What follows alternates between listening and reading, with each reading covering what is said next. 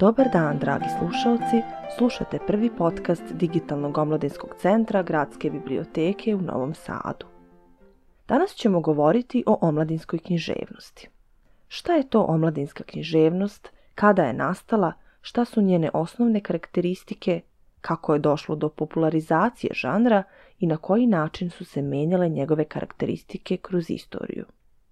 Za početak krenimo od samog termina – omladinska književnost ili kako se popularno naziva Young Adult Literature. Književnost za mlade često se definiše kao prelaz iz književnosti za decu u književnost za odrasle. Ona se u suštini formirala kada su odrasli konačno počeli više pažnje da posvećuju psihologiji deteta, što se desilo tek u 18. veku, kada Rousseau piše Emila ili o vaspitanju. U to vreme Sara Trimer, spisateljica i kritičarka dečje književnosti, prva definiše književnost za mlade kao posebnu kategoriju za čitaoce od 14 do 21 godine. Međutim, ova podela je dosta široka, pa je ne treba uzimati zdravo za gotovo s obzirom na uzraste koje obuhvata. Činjenica je da je razlika između nekog ko ima 14 i nekog ko ima 21 godinu vrlo velika. Pitanje je koliko imaju zajedničkog. Književnost za decu, to jest dela namenjena deci, javljaju se u 17. veku u obliku poučnih katehizama. Prve bajke nastale su kao deo narodne književnosti i nisu stvarane za decu, a to će promeniti tek Hans Christian Andersen. Ali postavlja se pitanje šta je sa književnošću za mlade. Sara Trimer je u 18. veku definisala kategoriju, ali kada pisci počinju da uvažavaju tu kategoriju – i kada počinju ciljano da pišu za mlade. Odavno se pisalo o sazrevanju, samo pisci nisu ciljano pisali za tu starosnu grupu, već je ta tema svrstavana u književnost za odrasle. U teoriji, takvi romani se nazivaju Bildungsromani. Začetke takvih romana imamo još kod Voltera u Kandidu, mada se za prvi pravi Bildungsroman smatra Goethe Wilhelm Meister. Takve romane kasnije piše i Dickens i Balzac i Stendhal – ali kako smo već rekli, svi ti romani, iako govore o iskustvima mladih, pišu se za odrasle. Za Selingerovog lovca u žitu je takođe kasnije shvaćeno da ga najviše čitaju adolescenti, jer su u njemu, da tako kažemo, pronašli svoj glas. Prvi pravi tinejdžerski roman objavljen je 1967. godine, u pitanju je roman Outsideri, mlade američke autorke Susan Hinton – Jedna tinejdžerka je napisala roman o tinejdžerima i za tinejdžere, ali je distribuiran kao roman za odrasle, zbog čega je prodaja bila vrlo loša. Ono što je iznenadilo izdavače jeste to da su primetili da prodaja raste unutar demografske grupe na koju do tada niko nije obratio pažnju. Profesori i nastavnici počeli su da koriste tu knjigu u nastavi i čitali su je tinejdžeri. Izdavaštvo je ugrabilo svoju priliku za novom zaradom i stvoreno je novo profitabilno tržište za omladinsku književnost. Naravno, u to vreme knjige za tineđere su postojale, ali su bile previše moralizatorske i pretenciozne. Novitet koji su doneli outsideri jeste autentična priča sa kojom se tineđeri mogu poistovetiti.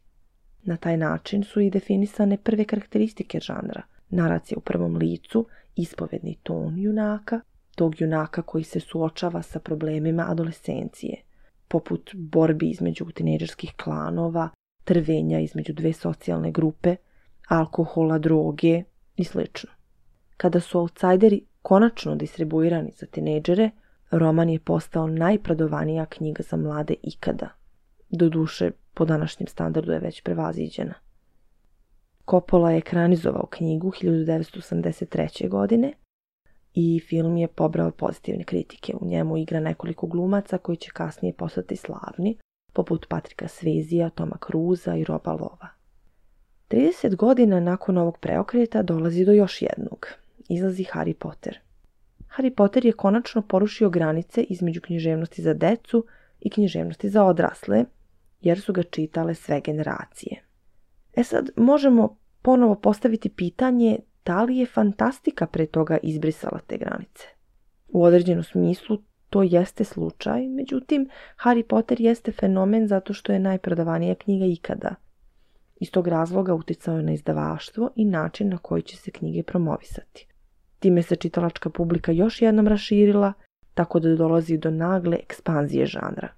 Izdavači počinju više da ulažu u promociju i izdavanje knjiga za mlade, knjige postaju popularne, pa onda ekranizovane, poput Sumrak sage, Igara gladi, Krive su zvezde, Prednosti jednog marginalca i sl.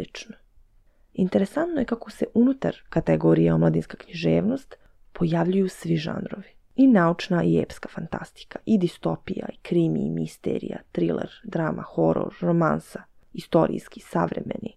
Međutim, sve one bave se pitanjem identiteta, psihofizičkog zdravlja, porodice, zavisnosti, društvenih odnosa i romantičnih i prijateljskih, razvoda, života sa jednim roditeljem. Sve ove teme prožete su opštim osjećanjem junaka da nigde ne pripada. I možemo slobodno reći da je to opšte osjećanje i nešto što povezuje sve ove romane. Interesantno je također napomenuti da se prije deseta godina pojavljuje nova kategorija. New Adult ili književnost za nove odrasle.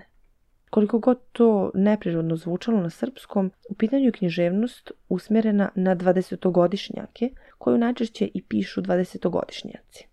Junaci su uglavnom studenti u potrazi za poslom i svojim mestom u svetu. U pitanju su mladi koji više nisu tineđeri, oni su postali odrasli i sada moraju da se snađu i prokrče sebi put u svetu odraslih. Ovaj žanr u fokus stavlja slobodu koju donosi studiranje, pogotovo kada se junak ili junakinja iz provincije dosele u veliki grad. Sa jedne strane oni dobijaju potpunu slobodu, koje su kao buntovni tineđeri stalno težili, ali sa druge stiču odgovornost koju sada ta nova sloboda nameće. Također veliki broj takvih romana ima elemenata i erotske književnosti, zbog čega su privlačni i starijoj populaciji. I u svetu koji oslikavaju takvi romani živi se od danas do sutra, sve veze i osjećanja su vrlo intenzivni, kratki, strastveni, vrlo turbulentni. Jedan od glavnih tema romana koje se bave adolescencijom jeste odnos prema autoritetu. Na prvom mestu tu je odnos prema roditeljima, profesorima i društvu uopšte. Sa jedne strane postoji želja i težnja da se mišljenje i stav adolescenata konačno čuje, sa druge strane ispunjenje te želje prečeno je od strane uzburkanih hormona, od strane nestrpljenja, nesigurnosti i straha koje je sad potrebno prevazići. Česte su situacije u kojima odrasli ne uzimaju probleme tineđera za ozbiljno, koji prolaze kroz različite pritiske vršnjaka, koji proživljavaju svoja prva ljubavna iskustva i sva ta iskustva u tom dobu ostavljaju vrlo jak utisak, doživljavaju se vrlo intenzivno i jako su formativna. Svi ti problemi doprinose konfliktima u romanu, pokreću radnju, čine je napetom, turbulentnom i punom emotivnog naboja. U tom smislu, omladinska književnost funkcioniše kao književni žanr. On ima svoje pravila, a čitajući već imaju nekakav izgrađen horizont očekivanja kada čitaju takvu knjigu i to piscima daje osnovni šablon po kojima će nastaviti da pišu. Posjedovanje tog šablona ne mora da bude loša stvar, ako se šablon koristi samo kao okosnica, a likovi i radnje budu autentični, živi, i onda se taj šablon u stvari iščitava iz fabule, nikako obrnuto. Ono što je također bitno kao karakteristika omladinske književnosti jeste njena privlačnost. Tineđerski romani su izuzetno uzbudljivi, drže pažnju i oni su u tom smislu jako dobar alat za mlade da ih privole knjizi, da razviju ljubav i naviku za čitanjem i onda povremeno stvore, da kažemo, kondiciju kako bi prešli na neke teže i komplikovanije, uslovno rečeno, romane. Vrlo je prijenčiva činjenica da junaci uglavnom govore u prvom licu i to priču čini intimnijom.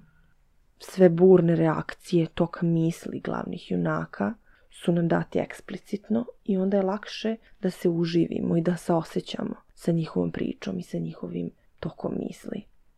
Ovaj period u odrastanju kojim se bavi omladinska književnost u teoriji nazivamo i liminalnom životnom fazom i ona je vrlo specifična, formativna i jako bitna u razvoju mlade osobe. Mnogi romani, pogotovo oni iz oblasti fantastike, koriste zaplete koji se sastoje iz svojevrsne inicijacije junaka u svet odraslih. Iz tog razloga junak ide u nekakav pohod, tokom tog pohoda otkriva sebe i na kraju postaje mudriji, istražuje svoje sposobnosti i fizičku i mentalnu snagu da bi na kraju pobedio, što znači postao odrastao. Takve trope imamo, na primjer, u igrama gladi. Međutim, u nekim romanima taj prelaz je prikazan i simbolično. Kroz inicijalnu smrt likova, koja u stvari predstavlja smrt njihovog detinjstva, nevinosti, naivnosti. Što znači početak nekog drugog života jedne nove odrasle osobe. Takav primjer možemo da vidimo u Harryu Potteru. Harry se i neslučajno sa 17 godina predaje Voldemortu. Voldemort na njega baca smrtonosnu kletvu, Harry biva ubijen, ali onda vraćan iz mrtvih, što simbolično možemo da shvatimo kao da je prošao inicijaciju, odbacio detinju nevinost, naivnost i ušao u svet odraslih. Adolescencija se iz tog razloga u književnosti smatra liminalnom fazom, koju možemo slikovito zamisliti kao nekakvu nestabilnu teraziju koja stalno vaga između detinjstva i zrelosti, života i smrti, ali i otkriva i meri da li je neki postupak moralan ili nemoralan, da li je određeni izbor pravi ili ne i tako dalje. Ovim smo ukratko pretresli osnovne karakteristike žanra, spomenuli smo da junak kroz priču preispituje svoj identitet, međutim potrebno je istaći i na koji način on to postiže. Likovi romana otkrivaju sebe uvek u odnosu prema svojim vršnjacima. Međutim, ta činjenica nije specifična i vezana samo za omladinsku književnost. To je opšte ljudska stvar, koja je do duše u adolescentskom periodu najizraženija. U tim godinama mnogo nam je više stalo do mišljenja vršnjaka, zato što još uvijek nismo do kraja izgradili sebe. Trudimo se iz petnih žila da budemo posebni, da budemo popularni u društvu, jer je upravo društvo to čime se merimo. Isto tako, najveći broj ideja o tome šta je pravilno, šta je normalno, šta je kulturno ili pristojno, pa i moralno, sve su to društveni konstrukti, sve su to konvencije. I sad da bi tinejdžer ušao u svet odraslih, treba da nauči da igra po pravilima odraslih, da nauči te konvencije, da ih savlada i internalizuje. Tako možemo da zaključimo da tinejdžer u tom smislu nije iskvaren, nije indoktriniran, nije još uvijek internalizovao pravila odraslih i jedino on može da im se iskreno suprotstavi. Može da preispituje ta pravila, opipava njihove granice i sl. Na taj način pisac gradi konflikt u romanu.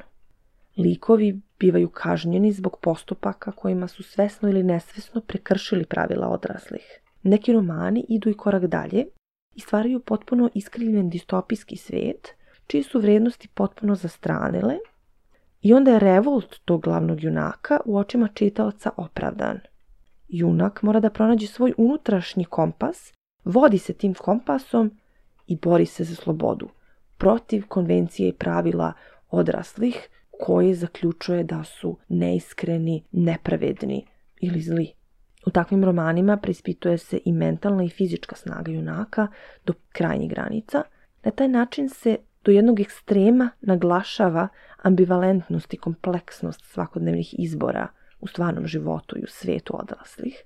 I sad centralno pitanje postaje šta je moja dužnost, koja je moja uloga u društvu, šta je moja odgovornost nasuprot pitanjima ko sam ja, Pored svega toga moramo da uzmemo u obzir da se književnost za mlade razvila iz moraliteta, što znači da je u osnovi uvijek imala nekakav didaktički moment. Također znamo da se ideja o tome da li je uloga književnosti da poudučava ili ne često menjala kroz istoriju, ali možemo da postavimo pitanje kakav je danas stav, da li je današnja omladinska književnost poučna ili ne da li teži da pouči svoje čitaoce ili samo da ih zabavi. Meni se čini da ona kroz nedoumice i konflikte koje junaci prevazilaze na neki način ipak usmerava čitaoca kao univerzalnim vrednostima modernog društva, upozorava ga na greške zbog kojih će biti kažnjen. Jer moramo da uzmemo u obzir to da je u najvećem broju romana dobro pobedilo zlo, iako do duše nije baš sve crno-belo u omladinskoj književnosti na način na koji je to i dalje u dečjoj književnosti.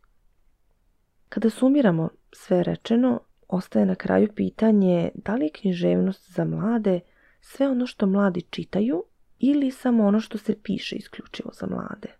Ovo pitanje ostavljamo vama, dragi slušaoci, i njime završavamo prvu epizodu podcasta Digitalnog omladinskog centra Gradske biblioteke u Novom Sadu. Zapratite nas na društvenim mrežama i hvala vam na pažnji i do narednog slušanja.